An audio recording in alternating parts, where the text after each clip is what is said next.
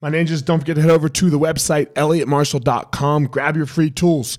Uh, free mount instructional, little instructional on attacking from the mount in no gi and how it is I like to start my day. So, a routine on starting your day with uh, efficiency and excellence, I like to say, and a little bit of peace to go along with it. So, elliottmarshall.com. Head over there right now. Get your free tools. What's up, guys? This is former UFC fighter Elliot Marshall, and you are listening to The Blueprint. I believe that there's a blueprint of how the most successful people structure their lives. They don't all do it the same, they don't all do the same things. And on this podcast, you're going to hear inspirations, motivations, and stories about how they go through their life. These stories will give you clues and tricks of exactly how you can discover your passion, find your power, and then go give your purpose to the world. Thank you so much for listening. Let's jump into this week's episode. This episode of the podcast is with Mike Diamond. Mike Diamond is a recovering is a I shouldn't say recovering. Nobody likes to be say here recovering. Mike Diamond is an addict who now runs interventions and he speaks and is an author. We had such an amazing conversation. We we clicked right away. Uh, he's a martial artist and man, he was just an all around good dude and fun to talk to. So I don't want to say anything else to to ruin any any of the good stuff that could be in the podcast. So here we are. Without further ado, let's go. Mike Diamond. Mike, my dude, how are you? I am good. Good. Very good. Grateful. I'm very awesome. grateful to be here with you. Man, let, us let's, let's first thank our homegirl yes. Megan, right? Because she's the one who put us in contact. I met Megan uh, two years ago now, almost, and I was like instantly like, oh man, she's my kind of people. So uh, let's thank Megan. Yeah, first. you know, it's funny you said that. Like the older I get, we can smell like the vibe of people, and we just know, and we just go, you know what, mm-hmm. good person. You don't have to do like a an emotional background check on them. You know, when you feel someone's a little prickly and you're like, hmm, the body's giving me some signals here. I need to fucking figure yeah. out why they're so creepy. You know, the intuition's like, but she's like, so like you, like just very pure. This is easy. We got it. It's yeah. simple, right? It's simple with her. And I need simple in my life right now. I can't do difficult relationships. Like, uh, obviously any love relationship is difficult, yeah. right? Like that's just that that takes work you know? Um, i have a business partner and i love him to death right? Like i love my business partner to death. I've been with him for 20 years but that's difficult right? Like because it is what it is. But my outside relationships like outside and look i would throw anybody other than my kids off a cliff for those two people. Uh, so i'm not saying that it's yeah. right but outside of those two man, you got to be easy for me. You got to be really, really easy for me because I, I don't have time for anything. It's hard, you know. It's like like I was saying, saying to someone the other day, um, I can't deal with people's baggage. I, I, I can't be. I deal with doing interventions, right? I'm paid to do mm-hmm, that. I'm mm-hmm, paid to intervene. Mm-hmm. I expect that person to be a mess. But if we're going to have some kind of friendship or relationship, I can't be your therapist. You got to come mm-hmm. to me with your shit together. You know what I mean? With mm-hmm. values, rules, goals, strategy. You know, otherwise you're dumping me all that crap, and then I've got to sort through all that crap, and I've got to sort through all just life, and then I'm like, no, I can't do it, dude. I can't. I, I, you'll send me crazy. Look, you can. You could do it like if somebody came, like, yo, dude, I need some help right now. That's now. different. But they, it can't be constant, right? It can't be this constant every single fucking time we talk, right? I, I have this, this is my new rule. You ready? I love to cook. Okay. So I love to have people over my house to cook. I'm going to make you a bomb ass meal. I'm going to make you a bomb ass meal. And then after the, the, the second I'm done eating, I literally might go sit on my couch and watch the game. And if you can't handle that, if you need me to like converse with you and like entertain you, then we you can't come over, right? You just can't come over because I, I look. I might converse and talk with you if if that's where I'm at. But if I'm not, we got to be able to just sit on the fucking couch and watch the game. That's so great. But that's space. you need your space. Yeah. It's like I can't, like I said Yeah. to people, and you said it really well. I do not mind the one. My pet peeve is this: if you, I don't uh, like. All right, so for example, you're a black belt. You're a UFC fighter. Mhm. I don't go to you as a UFC fighter and a black belt. I'm prepared to work if I want to become you. I emulate you. I Yeah. shut my mouth because you have more experience. I Mm. I just shut up. I do the work, right? I, if if someone's better than me, I shut up and listen. I don't go to your gym if you're a black belt and then not listen to you and go to 50 other gyms. Where did this come from? Because this is new. This is new. Th- This this Of idea jumping around? right, of like, well, not the jumping around, the the the, the questioning of expertise. I think it's too much Right, because- information, and I don't think people Yeah. want to do the work. I think everyone now, unfortunately, there's too much information, and instead of do, no one trusts the process. Mhm. So, they want it right So now. if you say, for example, I've done some no gi work, right? I've never worked with a gi, Mhm. But if we're doing some drills without a gi in the guard, and you say basic uh, basic arm bar technique, you put your leg on it, you swing around, and you just say, Mike, I don't want you to do anything, but do that for three months. And then we get the arm bar, and from there we'll go into your triangles. I ain't going to question you. I'm going to work that drill until you're better than me. I can nearly get you in an armbar, right? I'm gonna because this is what I try to teach people, And people don't get this. Mastery takes time, and this is why. It's I'm unconscious and incompetent. I don't know what I don't know. Then I become consciously incompetent. Oh shit, I got a lot to learn. Most people don't get through that because it's hard and messy. Then Hard, conscious right. competence, a lot of work. Now people think they're done. No, until it's an unconscious competence, and I can lay on the mat with you, and we can go toe for toe, toe for toe, toe for toe, and it becomes a beautiful dance, right?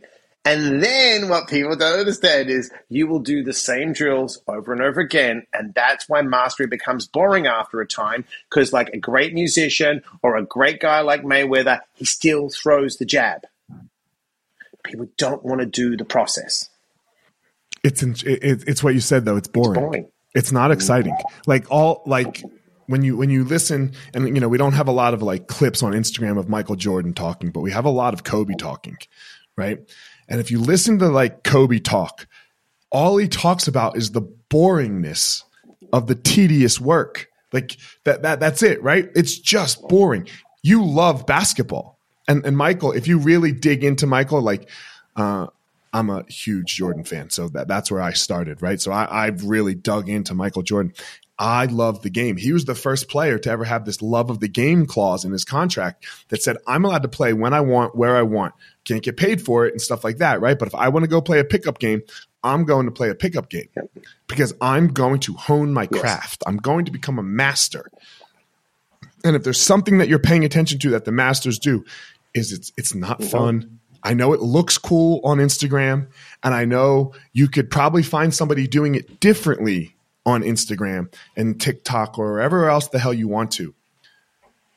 But just follow the best. Well, it's like you It's just so said so beautifully. Like if we if we're learning like jujitsu or stand up, right? And, and Right. what is it? Gordon Ryan, he's the top guy right now, right? Yes. Okay, but Ma- Marcelo Garcia was incredible, right? Right. Yes. So years ago, when I was doing New York Ink. Ami, we were in New York, and he said, "Do you want to roll with Marcelo Garcia?" I was like, "I don't know who he is," right? I said, "Of course," right? And this was back in 2009 or 10, 10, 10 or 11, right? Yep. And we went into the little basement, and he was so great with me. Like he was just showing me stuff, and he was impossible to. You can't every every movie. It's just a legend, right? Him and him and He's a goat. he's a goat. He's a him, goat. him He's and Gordon are like I don't know if they ever fought, but if there's going to be five, right? He's up there. He's he's the Mount Rushmore. When I was watching the ability of when he was doing it with Ami, and like he would move his toe a certain way, just a toe, and I was watching his feet. And I'm like, oh my god, he's like the f- way he moved his foot is setting up the next move, and I'm just thinking because I'm friends with Royce. I met Royce years ago, right?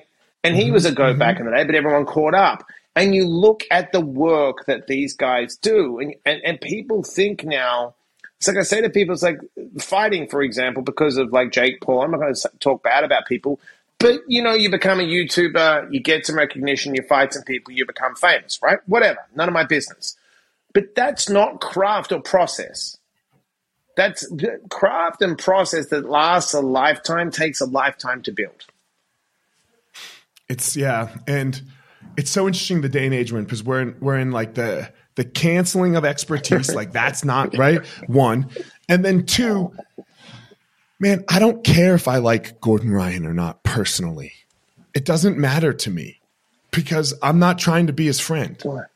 I just want to learn what he's doing so that I can then go teach it to my students and athletes. I could care less if I agree with what he's I don't I don't agree with almost anything he puts on social media. But I don't care. I'm just scrolling his social media for the next time that he puts out an instructional so that I go get it, watch it religiously, religiously over and over and over again so that I can get it and teach it. I don't need to like but see, that, I think you nailed it really well. So in my line of work where like I I'm writing books, I'm speaking and I'm doing interventions, right? It's there's no mm-hmm. there's different styles. I do what they mm-hmm. call a Johnson intervention, which is it's a surprise intervention. Then there's in, invitational. I don't like invitational because the kind of person knows. I'd rather come in, you don't know, bang, get the letters done. Sometimes it's executive. I've got to find you, get you in a treatment. At the end of the day, there's I'm one of the top guys. There's a lot of top guys out there. They have styles. I have my styles. I don't care what they do personally. My job is to get you in into treatment. If someone's really good at it, I don't care what their opinion is. If they get the person in the treatment, they delivered. I don't. I don't care what about genders. You are really good. So I I came up watching a guy called Warren Boyd. He was really good. They did a they did a, a TV show about him called The Cleaner. I studied him. Mm-hmm. When I made the transition of really dedicating myself to work for companies, I'm like, I liked his style. He may have pissed a lot of people off. A lot of people say, I don't care. I watched his style. I followed him. I kind of figured out. Then I, what I did is I was like, okay, I'm going to study NLP. I wanted because why? I liked Tony Robbins. I thought Tony was the came through the NLP thing. I liked what he was doing. I wanted to study mindfulness. I studied that. I didn't care if people say it's not as good as TM. It worked for me. So what I did is I learned my, I got certified in the Johnson approach. I looked at uh, Warren Boyd, who was executive. I put executive to that. I put NLP in there and mindfulness. So I have, and I went to acting school. So I got studied method acting because growing up I loved De Niro. So I went to a method school. So I looked at all these things and all these idols I had. I don't care what they politically believe. And Brando, I loved Brando. And I said, okay, now with my thing, I have so many things I pull from because I made them my own. So it's like you with MMA. You don't, you kickboxing, you boxing, you jiu-jitsu, you pull from everyone. And that's your toolbox. Yeah. And then when life shows up, you have so many tools to be successful it's a it's this constant student oh. approach, right? It's this constant oh. student approach that never Look, gets. mentioned easy. your sorry, sorry, go. No, it's okay. Yeah, no, it, it doesn't get easy. Like if you, you're dead when it's easy, pretty much, right? Pretty much, it's over. You're yeah. dead. Get out of the game. Get out of the game. Whatever game you're in, the second it becomes like like just like a, a, a step one, step two, step, the second you're doing that, just just stop. Go do something else. Right? Go do something else. Figure it out because. Uh, you're doing yourself a disservice. You're doing your client a disservice. You're doing your friends a disservice. You're doing, look, I think I'm doing my wife and my kids a disservice. Correct. If I'm not pushing, because that's just not who I am. Yep. Right. I, that's just not who it's I am. It's not comfortable. You know, somebody, it can't be comfortable. No. It's never going to be comfortable. My, uh, I'm going to, last thing I'm going to say here before we, I want to move on to you a little bit. My wife asked me the other day, she's like, what kind of coach, like, do you want for the kids? You know, like what, what kind of coach, you know, because my kids are really into basketball and we have great coaches. I'm not saying that. Uh, and, and I help them a ton. Like I mentor, I mentor these guys to like be better coaches. And I said, baby, you know what I want? I want someone who's gonna shorten their life because of how much they give. They're going to get high blood pressure and high cholesterol and migraine headaches and uh, and a massive amount of stress right? Because of what they give. And they're going to die an early death at 60. But that will get canceled out by the amount of love and uh, not admiration, but the amount of love that gets given back to them from their students, from the people that are learning from them. All the, the negative side effects will get canceled out by love and appreciation so that you'll live an actual regular life, yeah. you know, regular length yeah. life. But that's the kind of coach I want that like they don't sleep, they got headaches, they like they're they're everything about them is, is suffering. But when you add the love back because the, everyone knows how much they give, then it then it's good. That's the kind you, of coach. You said it so good. I was speaking to a friend of mine who I got sober, and uh, you know my life was great. I'm sober 17 years this week. Yeah. Everything's great. I mean, to get the the show intervention where I used to use years ago when it was being air starting. Like, and I said to him, "You got to remember this: a fat person has to try hard to get thin. Uh, a thin person has to try hard to stay in shape. You got to choose your hard. Where when the buzzer goes off at four in the morning, we're all looking to avoid pain and gain pleasure. So it's the same for everyone. Getting up is always going to be hard because the bed's pleasurable, right? And that's what people get attached to motivation. I'm like, I'm never motivated. I don't worry about how I feel. I, like I always say, successful people do the work no matter how they feel. An unsuccessful person wants to look, feel good, feel right the right time. There is no right time. There is no feel good. There is me on a podcast with you. Yesterday's dead. I don't know what's going to happen in 10 minutes from now. I have to be committed to a set of rituals, routines, and process that's empowering, right, to help me close the gap from where I am to where I want to be. End of story. Let's talk about your story. Right. Well, so you've mentioned sobriety, yep. you've mentioned intervention. Yep. So obviously, I would, I would, uh, you know, obviously, I've done a little research about you personally, but not too much. But I like to find, I like to go on the journey with people obviously i'm assuming it you know and you i think you've mentioned it here you were an addict. Oh. you were a struggling addict you know? Drugs and alcohol at get, 12 how'd you get there? Um how did i get sober or how did i start using no how'd you get the drugs and alcohol? How'd you get to the bad? Abuse. From a kid. Not my parents fault. I forgive them. I've got i've i've done all the trauma work now so i can talk about it. It just chaotic household. My generational trauma that i broke so I didn't pass it on to my son. Um, but you know, generational trauma can last years.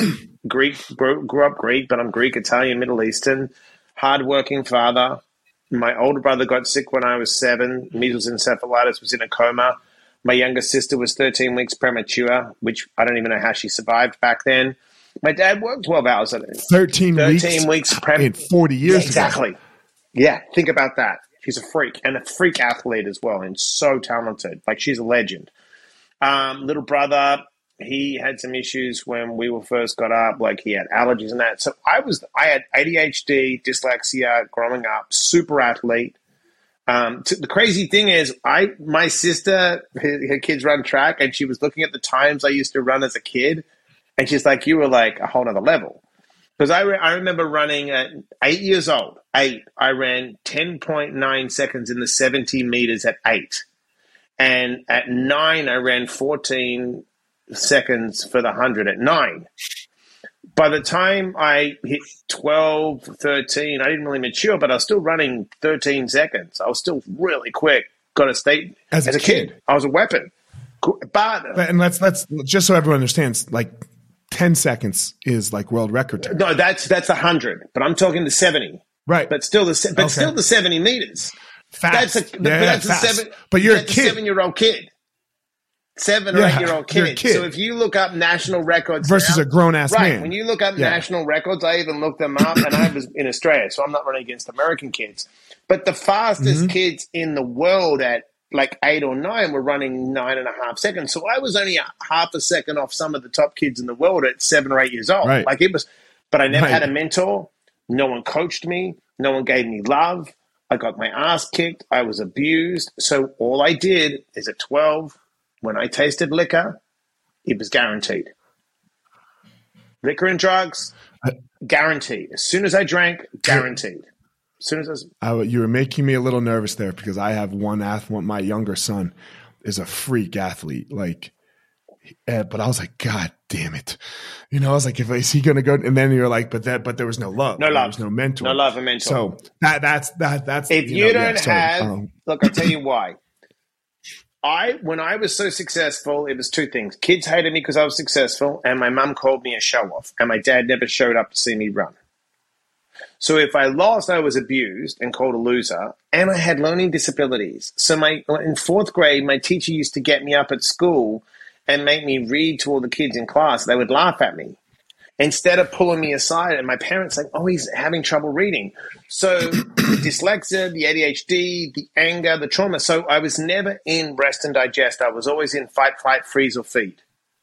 Right? Always tension in the house because of the the the the, the dynamic of the dysfunctional family. Not my parents' fault. How do you have four kids and not have any tools and not regulate your Sure. emotions? Right? They were abused. You pass on the abuse. So once I hit 12, 13, and I matured late, I was tiny. All the kids grew. I wasn't, I was fast, but they outgrew me. I would drink. 15, 16, you know, I wanted to kill myself because I got kicked out of school. And fortunately, I had a beautiful neighbor. Um, she didn't even, the crazy thing is, she intervened without even knowing what she was doing. And we talked about it years later, recently. I jumped over a fence and I wanted to kill myself. And I had a handful of pills. And she, she just saw me in her yard. And I don't know why I chose her yard, to be honest. I just, just chose it. And she didn't know what I was doing. And she just, she just said, Are you okay? And I was honest. I said, No, I'm fucked up. I got kicked out of school. I got no help. I got no friends. Uh, I was going to this other school. The kids hated me. And she just fucking hugged me, man, and told me she loved me. And all she did, and it, su- it changed my life, she said, I promise you this in 30 years from now, this won't matter. You're before your time. I believe in you. You're going to be okay. And that's all she had to do.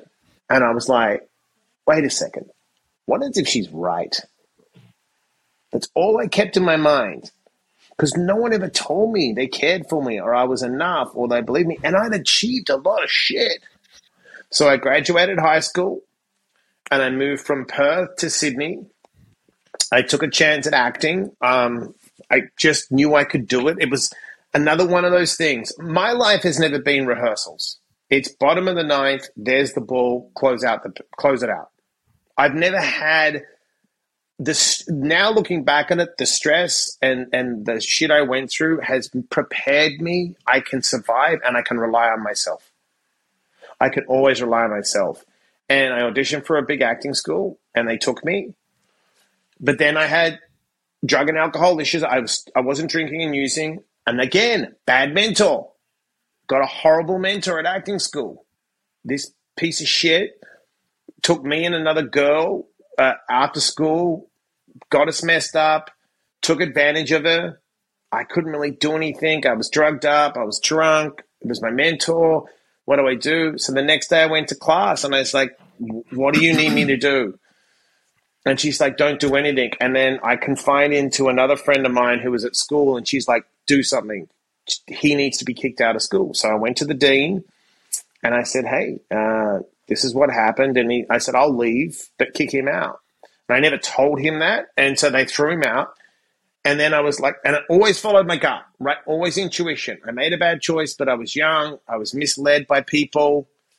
And I took a job in a clothing store, which is a crazy story by this Greek guy, Park Greek. And he, I'd always bullshit to him. I'd walk down and see him. And I was like, I need a job. And he's like, why? And I'm like, I want to go to America. And he's like, so you're going to come and work for me and then fucking leave me? I said, kinda. So he, he gave me a job. it was great. He gave me, he loved me. At least you're honest. You're like, yeah. I'm going to quit. I'm Yeah. going to quit. I don't want to sell clothes. And so I had this thing, I made up this little style thing where if women came in the store, I would get to know them and then I would say, you know, who are you buying for? Your husband, or, you know, or your son? And they'd say, like someone. It's a dude, 'cause it's a men's store, right? And I'm like, oh, are they about my size? And if they said yes, what I would do is I would trick them. I would grab some clothes that looked good and I would fucking try the clothes on for them and come out. Because they went to acting school and they'd be like, I'll take the outfit. So after six months grinding away, making a ton of money, he makes me an offer to be the area manager. I said, absolutely not. I was making six figures. I was early 20s, killing it. And uh, this lady said to me, she's like, What are you doing here? I said, Well, I'm moving to America. And she's like, You should enter the green card lottery. I was like, What? Fuck a green card lottery? I thought she was crazy. The next day, this is the craziest thing. I was in the back, a little stoned with the guy I worked with, and it, and it's an open air mall, right? And she's carrying bags yeah. to the store. So I was like, "Fuck, we're not open yet." She's going to return the clothes because I tried it. It was for a husband. So I hid in the back, and my guy Al at the time goes. She comes, knocks on the window. It's like, "What do you need?" And she's like, "Oh, you know, is Mike down?" He's like, "Is everything all right with the clothes?" She goes, "Yeah, I bought him the green card lottery ticket." I fucking came around. I was like, hey, I'm going to be honest. I was hiding in the back. I thought you were going to return the clothes. She's like, no, they were great. She hugs me. She gives me the fucking ticket. I was sitting on my bed, I'll never forget, in Bondi Beach in Australia, and I'm looking at this green card ticket, and I'm like, I'm going to win a fucking green card. I sent it in. Six months later, the embassy contacted me, and they're like, You want a green card in a lottery. How crazy is this? Now, check this out. Fuck check this man. out if I would have taken the linear approach and not stood up for the girl, I would have thought, go to acting school. It was the same school that Hugh Jackman did. Get an agent, come to America. No, you got to do what the universe guides you to do. And intuitively, I knew I had to stand up for the girl. I didn't know I was going to get a clothes store, and I didn't know by doing the right thing, the universe would gift me with a green card. Right? That came out. It's like winning a, a million bucks back then. You can't win it. You can't get into America. It's so hard. Now, the beautiful thing was, I would go back and visit Dean. And I came back, I'd had a lot of success in America, and he was still in the clothes store. And I looked at him and I said, Dean, I love you, man, but you don't look well. Right? Now, here's the thing I took the journey to America. I did all these things, I lived the life. Dean died three weeks later of cancer. Didn't make it to 50, made it to barely 50, right? And I thought, fuck. He took that simple linear approach, right? I took all the risks came to America with nothing, and and this poor guy didn't leave the clothing store, right? Because he didn't. He, not saying there's anything wrong with selling clothes. There's nothing, nothing wrong with having a job, mm-hmm. but it wasn't his calling. Mm-hmm. And I always tell people, your calling isn't a conference call. It's an individual call, and your vision. No one should be able to see your vision because it's my vision of the world. Right. They have they have to think you're crazy. But right? it had, but, but, you, but you aren't crazy because to other people yeah. it has to look crazy because how it would you no see sense. it? It doesn't make sense, and it's yeah. not supposed to make sense, and it's not supposed to make sense now. It's supposed to make sense when you look back and you look at the steps, right? So what do I do? I move to America with nothing. I'm still on and off the drugs and alcohol. I get discovered in Miami. I'm in Miami first. No friends, and this is before Facebook, dude. This is before you could go online. Oh, Australians, yeah. Australians struggling in America, trying to make it, like a Facebook community. It was me, just me dealing with people. right? It's me against the world. Yeah. I'm trying to. Like, I had to restart my life, and I was working in a jewelry store, and a guy came in out of nowhere and said, "You look pretty cool. You should work." In a nightclub. I said, fuck that. I hate nightclubs. He goes, it's 250 bucks a night. I said, I'm working in a nightclub had a little apartment, right? It's crazy. and I was hustling in this nightclub, right? Making money yeah. out of nowhere. This guy comes in, this manager, and he said they're opening a famous club from New York's coming to South Beach in 1998. They're called the guys from Chaos. They started Bottle Service, Studio 54. They're going to love you. I will get you a, a, an interview. I'm like, I don't want to do it, right? I was honest there was hundreds of people, thousands of people lined up down the beach trying to get to meet these guys. It was the hottest club coming down. He sees me, he grabs me, pulls me to the front of the line, right? He sits me in front of the owners. They're like, What do you do? I said, Dude, I'm going to acting auditions. I got a music project I'm working on. I just give me a job where I just I VIP rope, whatever. I don't care. I'll take a busboy's job. I had no ego, like I didn't care. They're like, Well, we're gonna hire you, we love you the night the club opens, the guy Michael Lolt pulls me aside. He goes, "How you feel?" And I said, "I feel fine." He's like, "We've got a surprise. We're going to make you the door, doorman, head doorman of the whole club." I'm like, "What?" He's like, "Can you do it?" I said, "Of course I can do it. I'm an actor. I'll do anything." One that guy, we're still friends, changed the course of my life. I am standing at the front of this fucking club with every celebrity from Jack Nicholson to fucking Madonna to all these celebrities coming in, right? And I was the guy. They got to come through you. Had to come through come me. Through and I learned the game. I was like, wait. See, what I try to tell people is, see, when when we were younger, when I was in New, Miami and New York, and then I moved to New York later, you didn't swipe right to meet a girl. You had to have a fucking conversation, right? And here's the thing I had game because I ran the club and I ran the door. And guess what? Every movie producer had to get to know the door guy. Every actor had to get to know the door guy. So I knew I was like, wait, if I can do my creative stuff and I can be the door guy at night, because what would you do? You'd go to an after work party to socialize. We mingled, we got to know each other. And that was my hustle. I was like, then when I moved to New York with them, I got in with those guys. I was on Bungalow 8 on the TV show Sex and the City. I was doing acting gigs. I was hustling. And then I end up opening up a club with Scott Weiland, Duff McKagan, and the guys from Velvet Revolver, the biggest rock stars in the world. I I helped put together Miami Ink. I introduced Ami and, and Charlie. And then I'm sitting there going, and here's the crazy thing about this. No one believed I could do it. I would go to CBGB's and I would go, well, there's a problem. They're like, why? And I'm like, well, you see a band and you leave. They're like, yeah, that's a rock club. I said. Nah. And I was working at all the big clubs. I was like, wait a minute. And I knew everyone. I'm like, I can throw an event.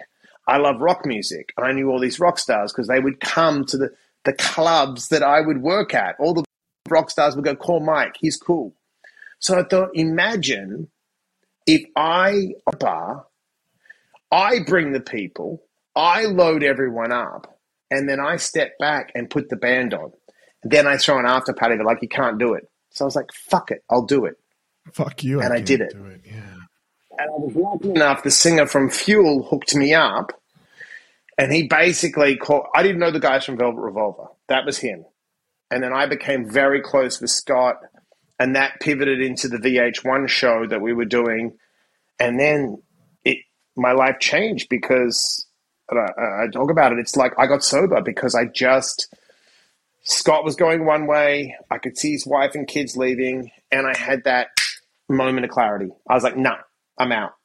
And everyone thought I was crazy. I was doing about an eight ball of cocaine a day and drinking a bottle of vodka every day, and I talk about it in my book. I was a fucking disaster, but I was showing up for work every day. I was going to the gym. I was doing jiu-jitsu classes and I would come in and I would come in and roll with guys. And this guy said to me one day, he's like, dude, you smell like vodka and Red Bull. I said, like, that's what I was drinking all night. He's like, but it's coming out of your pullet, like out of my tits. But I, I was shredded, training, out of my mind. And I thought that was living. And then I had that that moment of clarity. I was like, nah, this is not life. I'm, I'm, I'm going to get sober. And I got sober. And I never, never questioned it again. I was like, fuck that. I'm getting sober. Changed my whole life. It's so interesting to me, a couple of things you said. One, like the linear path, right? Because um, I was a linear path person. Even though it seems like I wasn't, because I was, you know, I was, I was fighting, but I, which is obviously not a linear path, which is craziness. Uh, before fighting was actually a way to do it. you mean you actually in street fights? no, no, I was I, uh, I was fighting professionally, oh. right, and, and working towards that career. But in 2006, when when like the UFC just was starting to really pick up. up. some steam, yeah, yeah, right? Yeah. Like, yeah, but it was the very beginnings of, of the blow up. It wasn't the it wasn't the end of the blow where we are now. So is that the say. Ultimate Fighter 2006? Yeah, I was I was on the Ultimate Fighter that. eight. Yeah, I remember. Yeah, I was on the I was on the eighth season. So, um, but I can remember and and and he's just so important to my life, Rashad Evans, oh, saying to me, just saying to me, man, you if if you got the title, I remember him asking me a question. If if they asked you to fight Chuck right now and Chuck was the champion, I was like, I would say no. And he's like, What the fuck is the matter with you? Because I was on the linear path of it. Right. I was on the, well, I got to do this and then this and then this and then this, right? And then I'll fight Chuck. But I'm not ready for that. And he would, he got so mad at me, homie. He got so mad. He was screaming at me and I couldn't understand it. And I couldn't understand it until I had this like breakdown you know, way later in life, after my career. And now I can't imagine thinking like I used to think. Like it's so it's so shocking to me. I'm like, what the fuck? How could you have possibly thought like like in this linear? No, way? but it's Like in your programming. Do you think Yeah. because see that's that's not wrong because do you think so all right, look at it like this. I'm a math guy. I was a Right, math major in college. right, right, right, right, right, so it's right, fucking right, linear, bro. right. It's like you do these steps and then you get the answer, Yeah, but- right? And then you get and the look at answer. look at the context. He's a black dude. He Yeah. can't follow a linear. But so am I. No, but in the sense of like, if you look at probably where he's come from, he's probably never been able to take a linear path. He's probably but dude, I'm a black Jew. My parent, my grandparents survived the Holocaust. Yeah. There ain't no one in the world like yeah, me. that's weird. Well, you know what's interesting? me and my sister. But here's the thing. That's so interesting you said that. See, I've my brain. So I'll tell you what changed. It's mine. just wiring. It's, It's just, just wiring. I just followed the steps. Look, I followed steps because I needed to stay safe. I needed to stay safe because Hitler was coming again. And therefore, if you just followed the steps that they told you to do, because like, look, that's what my grandparents taught you. You get a job, you make money, right? And you and you get a contract. You get a contract that says, and then you just go through the steps so that you'll have money when Hitler comes again. You'll be able to Yeah. run soon. That was that was there, like because that's that's that's uh, generational uh, trauma and trauma. yeah, you can't change that. You yeah, have, we- all my bullshit is because of yeah, but Yes. you you like me became a transitional character where you break the lineage, which is very hard, right? So I was going to say Mm-hmm. one thing I've all right here. So you'll love this. So people ask me, do I do affirmations? And I said no. And the person says why? And I said I'll explain to you. To me, and this is to me, self confidence and self esteem is built very simply. You'll understand this analogy. I tell people, let's just say there's two people in two different cities and they both go to their car at night and they're both mugged and they don't really, can't take care of yourself like you. You're a, a level above me. And yeah, one guy goes home and all he's watched is people say, manifest your dreams, do affirmations. And for a year, he stands in the mirror and just affirmation, I'm strong, I'm powerful, I'm all this bullshit. The other person that goes through it says, Well, I know Elliot teaches jujitsu. They go to you and they're like Elliot. Someone came up to me in the car, pulled a gun on me. What do I do? And you're like, Okay, you're going to do my jujitsu class. And basically, you teach them a skill. A year later, the same thing happens. The person that does the affirmations gets robbed, right? The person that goes to your classes chokes the guy out and says, ah, right? So, what is self confidence and self esteem built on? Skill set. Skill sets. Nothing to do with affirmations. So, what I always used to do, Let me- you go, you go, go, you go. I want to ask you this about affirmations. Okay, so I, I, don't know if you call them affirmations, but I do every morning. I do these things called like uh, like I have my routine, right? And I pray, and uh, you know, uh, and then I do my I am statements. But my I my I am statements are a little. They're not I am strong. I am confident because I'm not always strong and I'm not always confident. None of us are. Right, like that. That's an impossibility. They, they, you can prove them false. I will show you a place where that was false. My I am statements, for example, is I am a father, I am a husband, I am a teacher, I am a student, I am a fighter, and I am a survivor. You can't prove any of them false. That's, but It's that's possible. not, to me. See, what I love about those, like I say, I am going to be calm. I am going to be Right. centered. What I tell that, see, Right. that to me is a real. That's affirming reality. When you're Okay. saying I am confident, but you're not doing it to close the gap to be confident, I'm like that's being optimistically delusional. What you're Right. saying is I you're with you. affirming reality. So Yes. if you're affirming reality, like I am a father, or I want to be patient, right? Or I want Right. to learn, I want to grow, I want to be a good student. That's actually driving you in the direction of taking action.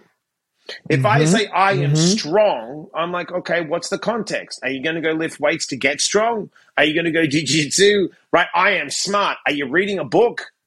Are you watching a podcast? Because that's where I say it does. If it doesn't affirm building the skill set and taking action, it's just words. And we all know you got to walk the talk to build self confidence and self esteem, yes, right? You have to you have to acquire The skills. You're right. Skills. And here's a great thing I always say to people do the work in the dark and you'll shine in the bright lights. If you don't do the work in the dark, you'll get exposed in the bright lights because you're a paper champ and you've got a glass jaw. Eventually, you're gonna get caught slipping. And you, if you do that, you know this. You know this. Yes. If you get a paper champ and you're the dog in the gym, right? That's prepared to die, especially you're, and that's what I tell people. People are do, like you have fought in a cage. It's not a pillow fight. It's real shit, right? People talk. Oh, I could. No, you couldn't. No, you couldn't. No, you couldn't. I've done Muay Thai with really good Muay Thai. Everyone fighters. says no. uh, everyone says that they would fight like in Mike Tyson's No, heyday. no, that man, give me five million dollars, I'd walk out. No, you, No, wouldn't. wouldn't. If you didn't do, you would shit your pants in the back room and pass out. I remember, I remember training with doing Kyokushin karate and then training with a, a Muay Thai uh, instructor in New York Mm-hmm. who had 300 amateur fights and professional fights. Was doing Muay Thai, fought in Lumpinee Stadium, the big stadiums. We trained. I never forget the first six months. I could not walk. I, he makes you pay a month in advance. I could not walk from the leg kicks. He kicked me so hard one day, and I had the pads holding it against my leg. I nearly threw up. Right? This how powerful this guy was, and he was only 170. He fought with Ramon Dekker. Like he'd fought with the greats. I mean, he was like cast on. He you couldn't. He was. I remember kicking him. He would do a thousand kicks a day. I kicked him in the leg once. I swear I kicked him so hard, and he all he said is like this. He went to me, "Good kick." good kick. It was a, like now. This is the best thing. I then was in the club business, right? And I've been training with killers. I've been training with guys that were world champions. I never wanted to, to fight in the ring. I'd spar with the guys. I'd get my head rattled. It was too much because that wasn't my thing. I just want to be able to defend myself at the doors, right? The clubs. Yep, yep. I'd get choked out by the guys that were with Renzo School. But these guys Yep. were proper guys. They would beat me up, right? But that's what I wanted. So I could be ready at the door. I got in a fight with a guy, six six, big Guido guy. He threw a punch at me. I stepped back and kicked him with a low kick. I'd been thrown. I'd been getting. I didn't realize how well they trained me. I kicked him once with the low kick. He buckled and started screaming, "Who kicks in a street fight?" I'm like, "Oh, it worked." That's what he said, right? Who kicks in a street fight? And I was like, Me, "Yeah, motherfucker." All the training worked, right? I went back to the dojo and I started laughing. He goes, What happened? I said, I swear to God, I was so drilled for me. And I never won in the gym once. They beat me up so bad because I was so, I wanted to be beaten up. So I was ready for the door job because I was only, I had security, but I was ready because I was a door guy, right? I didn't want to be the door guy that ran to security. And they beat me up. I was never going to get close to beating these guys, right? It wasn't the point. I was never trying to be a pro fighter. But this is what's so hard for everyone. But bro. I wanted to defend myself. So the best thing was, right? Then they would laugh, and they, the, the security guys would like get in arguments to like get Mike to leg kick him, right? Because they just got my leg kicks down. I was quick. I was a sprinter, and I could whip you with a leg kick. And unless you were a good, really good fighter, and you could check it, and you were a pro, and you knew what you were doing, or good. I was hurting you because I was getting beaten up, and my legs. I never forget. I was dating this girl, and I took my shirt off, and she was a yoga instructor, and she's like, "What is up with your body?" I was always covered in bruises. I mean, when the bruises I had over my body, broken ribs, my thighs were so black and blue all the time. She's like, "What do you do?" And I said, "Come to class one day," and she would watch these guys. But I was the only guy, and it was true. You could beat me up. I would show up. I would shut up, and I got better. And like I just got better because I would take a beating. I I took so many beatings, and it was the best because it humbled me. I was never going to be at that level. There were people. I'm like, you have no idea. These guys were pro. Care, no, but these guys were pro fighters. They would mangle me, and I would. And but they were they were kind mangle. They because I never had an ego. No one would try to hurt me. It's just that you Sure. know the difference if you roll with me. You could choke me out in a second, or you could let me play, and then I'm, and I'm tapping. And that's what they would do. They would just wear me out. But no, people have no idea of the of the, of the, the, the discipline it takes to be an, a fighter. It's a whole nother level. And it's it's why you know everyone you know Izzy fought over the weekend Israel Adesanya and every no one can understand what that took Oh, to, to lose Because- three times against the same guy, three times and the, and the last two getting knocked Who's out the last two getting knocked out no everyone's like oh what a what a to understand the mental fortitude that it took, and then the way that he did it. He walked forward. Yeah. He came at he came at Pereira, Alex, and Alex had knocked him out the last two times. Oh. One of them flat and unconscious. Right. So to to come forward in that fight is it just to fucking do it again. Just just just to make the walk to to the cage is I don't know how he did it. Here's it. a question. I don't know it's how he really did it. interesting. Do you think? See, he's the only fighter I've actually seen that's come. Like Tyson never could do it against Holyfield. Everyone said he wasn't his prime. It didn't matter. He just didn't. Holyfield had his number. Right? He got dropped the first time, beat him the second. Yeah, but look, this is this is different for me because Izzy was winning all of the fights. Yeah, but And but- then got yeah, knocked exactly. But what I'm trying to say is, do you think? All right, so Dustin has become a better fighter than Conor now, right? Mm-hmm. Can Conor beat Dustin? No, He can't, right? No, He can't, right? Look, and That's why- he has power. Conor has Oh, Conor has power. power. so anybody can catch somebody, But right? But Dustin's but he better. beat no, him? he's better. Dustin's Yes, a better no. fighter now, right? So here's Mhm. a question: Do you think? No, it pretty because they even I think they did. I was watching it. They, I think no one's ever done what Izzy did in a rematch. No, not in a tight. No, not in a title fight. Mm-mm. No one's ever come back uh, from getting. I think was it no, No. no, no. Cain did it. Cain Velasquez Cain did it against Dos and, Santos. and um and Mike beat um wasn't it um Stipe beat uh DC no, didn't he come back? The Oh, sec- yeah, he did. He came back Yeah, yeah, right. he did. The second time. yeah, he did. That's the only guys, right? Th- this was more though. no, you're right. Oh no, no. more. And Pereira had his number. Let's be honest. He beat him in a kickboxing Yeah. back. And Pereira's a big dude. Yeah, and it looked like it just seemed as though, like I did an interview before the fight. Somebody asked me, I was like, "Look, it, I think Izzy's better, but it just seems like the fight gods are against him in this fight." Well, you know as well as a fighter, styles make fights. hmm This wasn't even styles though. This was like the gods. Because look, okay, so their first kick, their second kickboxing match, Mm-hmm. okay, Izzy knocked him out at the bell of the first round. And he and he come back but and Pereira was able to get up and recover. And then he knocked Izzy out. But if that was 10 seconds more, then it's over. Wait, didn't and when, when their first fight, didn't Izzy rock Pereira as well? Izzy You're knocked him out. He was right, you're at the bell. So if Izzy could have thrown three more punches, then the fight. So fight's here's a question for you as a fighter. This is really interesting. Do you think, as a fighter, when you fight someone, you're like, I can get this guy. It's just a matter of time. It's like because like you know, Dustin knew. I knew when I have to watch the first fight with Dustin and Conor. I was like, it was a back of the head punch. It was No, Dustin had to Dustin had to gain confidence. and change. Dustin had to do what and you change, said. right? And do the skill He had to work. acquire and skills. he worked through that, worked through some wars, and Conor got complacent. Who I do love Conor, I do. I've got nothing against Conor. I, he's he's been Mm-hmm. great for the sport, but I realize I'm like Dustin's a grinder. Dustin did the work. Dustin did the work. It it, it, it, Yeah. it always comes down. Yeah. It always comes down to who's going to do the work, who's going to build the skills. And Dustin built the Yeah. skills, right? Dustin built the skills. Now look, what Stipe did really well uh, against DC was he took time off. yeah, right? He took a lot of time off when he got knocked out to let his brain recover. yeah, Okay. What Kamaru Usman didn't do yes, was take time yes. off, Ego. Right? Because it, with massive knockouts, like the massive knockout that Kamaru took against Leon Yeah. Edwards, like that, right? Where it's just one shot and you Yeah, you're right. like yeah, that. Your brain is not okay. Your brain No. is not okay for a long time. And if your brain's not okay, then your body becomes not okay. So, uh, it and you saw Kamaru in in that fight. He was sluggish and slow.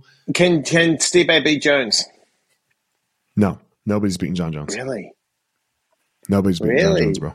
There, there's nobody on the roster right now that will beat Jon Jones. Who can beat Jon Jones is Francis Ngannou. You reckon?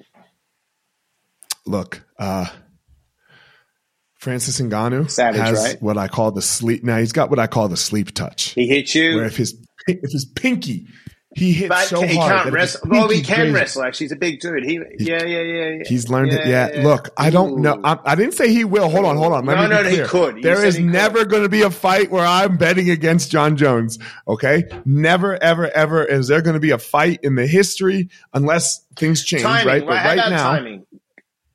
Cain Velasquez in it? his prime, Jon Jones in his prime. Who wins heavyweight? Jon Jones. Brock Lesnar in his prime. Jon Jones. Really? He could. He could. He couldn't. Go ahead, he go could. ahead. Start, start to say somebody wait, else's wait, name. wait, go hold ahead. on, Start to say on somebody. second. But Brock would out wrestle Jon. No, Really? no. Distance. Jon Jones is so long, my dude. Jon Jones is so long that he's so good at the distance management. Look, DC is a better wrestler than Jon Jones. DC is a way better wrestler than Jon Jones, but he couldn't manage the distance to be able to close it correctly. Does that make sense? Yeah. Where Jon Jones was the initiator, he controlled where the fight was and the pace of the So fight. So you even think Where- so, so, then a young Randy couldn't beat Jon? Right, young Randy would get smashed by Johns. By Johns. Wow. Oh yeah. Nobody beats Jon Jones. The only person that that has the skill set to beat Jon Jones is Khabib. But he's not big enough. Got it. Too small. Yeah, yeah, yeah, yeah. That's interesting. Yeah, because you're a fighter, so I don't like I, you. You see it differently to me. I think. I, look, I do. I think he's a legend. To be honest, I like him. I re- He's the best. I do love him. he's him. the best. He's hands down the I love best. him. And I love him. Yeah, he's too No, I good. He's too good. I love him. You I have know, what- issue, what he especially did- being an addict as well. I kind of like empathize with it because everyone talks shit, but I'm an addict, so I kind of love Look, him. hold on, hold on. Let's be clear. Jon Jones is a piece of shit as a human being. He's an addict. He's crazy. He's fucking no, crazy. hold on, hold on, hold on. Jon Jones is a piece of shit as a human. But he's being. an addict. He's an addict. yeah, yeah, but hold on. But that can. Uh, he is. If he got healthy when when and got when we when know. we hit stop when we hit stop and record um You'll tell me. we'll talk some more you know but um He's got some demons. Uh, so I, we haven't talked yeah. about the book. So because I know we're going to wrap. yeah. So, yeah that was my next yeah. question So basically, here's the interesting about the book. It's not written for an addict. It's written for anyone that wants to make a more empowering choice. And the reason I called it a dose of positivity, it's basically dose is dopamine, oxytocin, serotonin, and endorphins. The four brain chemicals we all search for. oh fuck yeah i thought it had to do with drugs No. So it's either getting an empowering dose or a disempowering. So the way I tell people is this forget everyone, no one gets out of the human experience without a flaw. Whether it's sex, whether it's gambling, whether it's shopping. For me, it was cocaine and alcohol. Some people, it's a heavier drug. We're all flawed. We're all flawed. Some people sit on their phones too long. So, when you make a choice to reach your full potential and self actualize, you can't do it by making disempowering choices, by getting a disempowering dose, right? So, when you look at dopamine, it's the reward system. We all crave the reward system. Now, for me as an addict, and my ADHD and the stress, I have lower dopamine receptors in my brain. So that's why I'm more stimulated for cocaine and uppers. I have a massive threshold because the endorphins in my brain are very strong. So I don't need pain medication. I have colitis, undiagnosed, you know, I had undiagnosed colitis for years. I went through stomach surgery. Eh, I don't worry. I ran 30 half marathons after, after stomach surgery, 30 half marathons in 30 days when I was told I'd never run again right? Don't take pain medicine. But because I'm I'm wired like my my my dose is really stimulants. So I have one coffee in my brain. I'm like, imagine what six would taste like, right? Pain medication doesn't do it. So I know where I need. I have to. Sure. Yeah. So the whole yeah, yeah. point is when you look at things like jujitsu, that is giving you an empowering dose. It's mindfulness movement.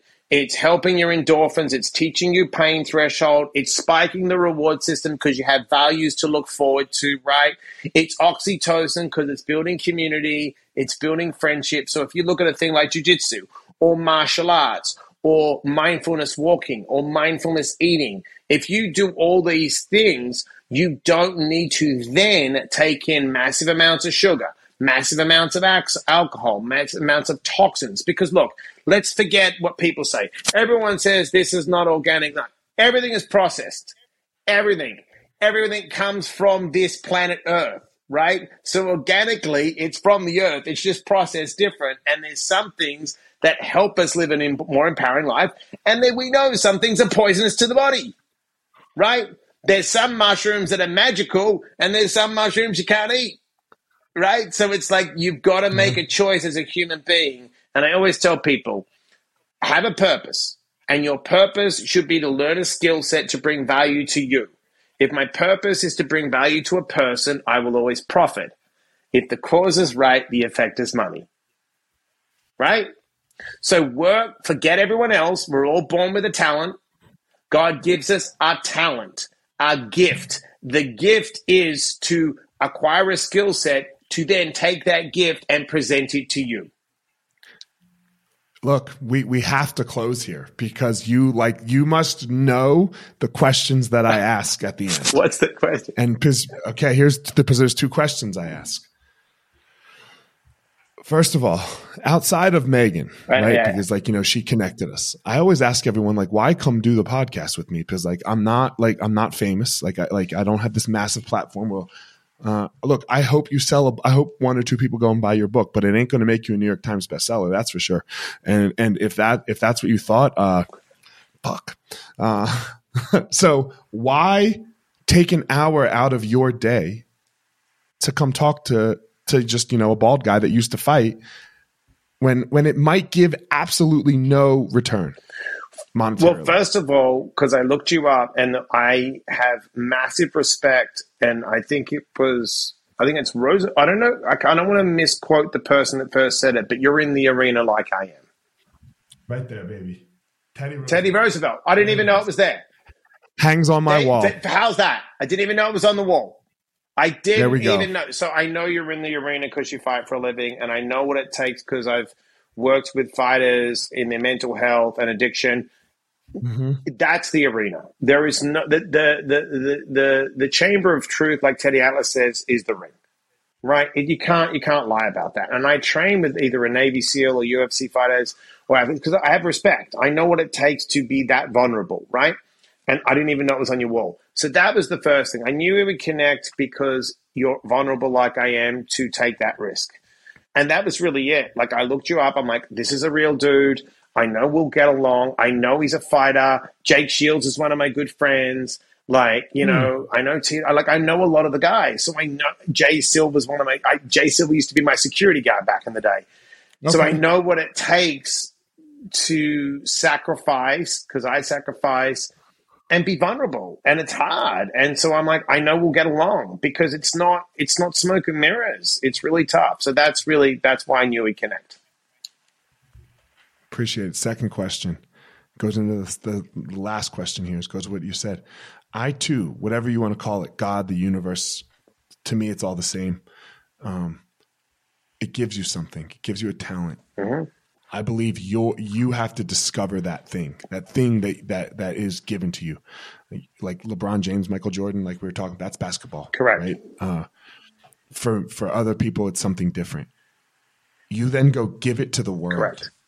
And then the world gives so much back correct. to you. Once you discover that fucking thing, and you start giving it out there, the world gives so much back to you.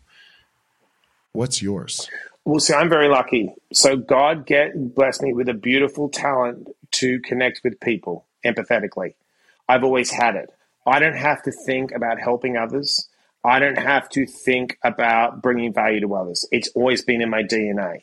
Um, I am then very lucky that I can naturally, I'm creative and can write. And I'm very lucky that I can communicate, improvise, and that's why I was good at acting and speaking. It, I don't have to think about getting on a stage. I don't have to prepare speeches. Once I know it, I remember it. So God gave me that. Now, my job is then to understand and refine the craft. So if I get complacent and I don't practice speaking, I don't practice writing, I don't read a book a week, I don't gain the knowledge, then I can't then. It's very simple. Inspire people, educate people, and motivate them to live their potential, love themselves because they matter. And my medium is writing books, speaking, doing interventions, and coaching. That was amazing. And that's, and I just stick with that. And I, rituals and routines, and I allow the universe to show me the way. It's so interesting. We live our lives the same. We, we live our lives like uh, the, the father, husband, student, teacher thing I stay right there. No, I, I just and just I right just do there. the reps. Yep. And teaching, I call speaking. Yep. Uh, teaching martial arts and coaching. That that and I just stick stick right there. And uh, on the weekend, if you want a badass meal, you can come over. So I can cook okay. There you go. Right. I can, I'm not a I'm not a pro chef. Right. Like I can't cook pro chef level. But for for for a home meal that you're gonna make eh, that you're gonna eat, but I don't try to do anything else, and I think that's really important. I think this is something that people mess up all the time, is they try to be good at too many things right? They try to be good. They try to be good at too many things, and I have no interest in being good. I'm only on the chase for motherfucking greatness. Well, just be great That's at it. one thing. Be a sniper. That's it. Go and sit in the fucking Yeah. woods and know how to take that single shot. Like I always said, I would rather be Mariano Rivera when I used to watch him at Yankee Stadium and come out of the bullpen and throw a couple of innings, but sh- Mm-hmm. Two innings. and shut you down and take a day off, then have to be on base every time. Fuck it. I would rather shut you down.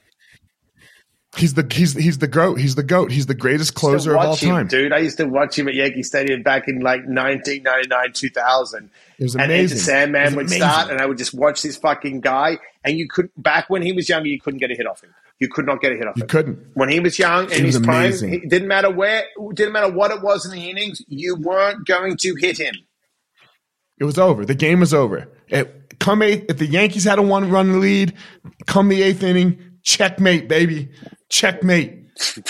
That was it. Mike, tell everyone where they can reach you, my dude. They can go. Well, they can get the book on Amazon. It's pretty simple. And select bookstores. If they're in Vegas, they can go to Barnes and Nobles in Henderson. If they're in LA, they can go to the Grove. Um, they can find me on the Mike underscore Diamond on Instagram, on Twitter, just Mike Diamond on Facebook, and the or the Mike underscore Diamond at yahoo.com is my email. If you are sick and suffering, if you're in pain, if you need help with an intervention, I check my messages. I check my email. Please do not suffer in silence. Don't make a bad decision. Don't go and do a bunch of pills. Reach out to me. My dude, I think we're going to have to be homies. Uh, sorry about that. Uh, uh, you know, uh, my wife says I'm like the fungus. I grow on people. so Bad fungus. Hey, mushrooms are fungus. A lot of people do microdosing. Mushrooms are funguses, that's right. Yeah, Plant so- medicine. Guys, anyway, as always, don't go out in the world and try to be Mike. He has his unique gift and power that he goes and gives to the world. Please don't go out in the world and try to be me. Mine's the same. I have my thing that I do. Please go out in the world, everyone, and find your own power. Thank you so much for listening to this week's episode. I hope you found something useful that you can take and implement into your life. Don't forget to head over to wherever you are listening to this podcast and leave a review. That would be greatly appreciated. Also, go follow me on social media at FireMarshal205 on Instagram. Leave a comment, anything that you would like there. And as always, if you think this would be useful for somebody else that you know for their life, send it their way. That would be greatly appreciated. That's it for this episode, guys. I hope you all have a great day and you go step into that power so that you can give your purpose to the world.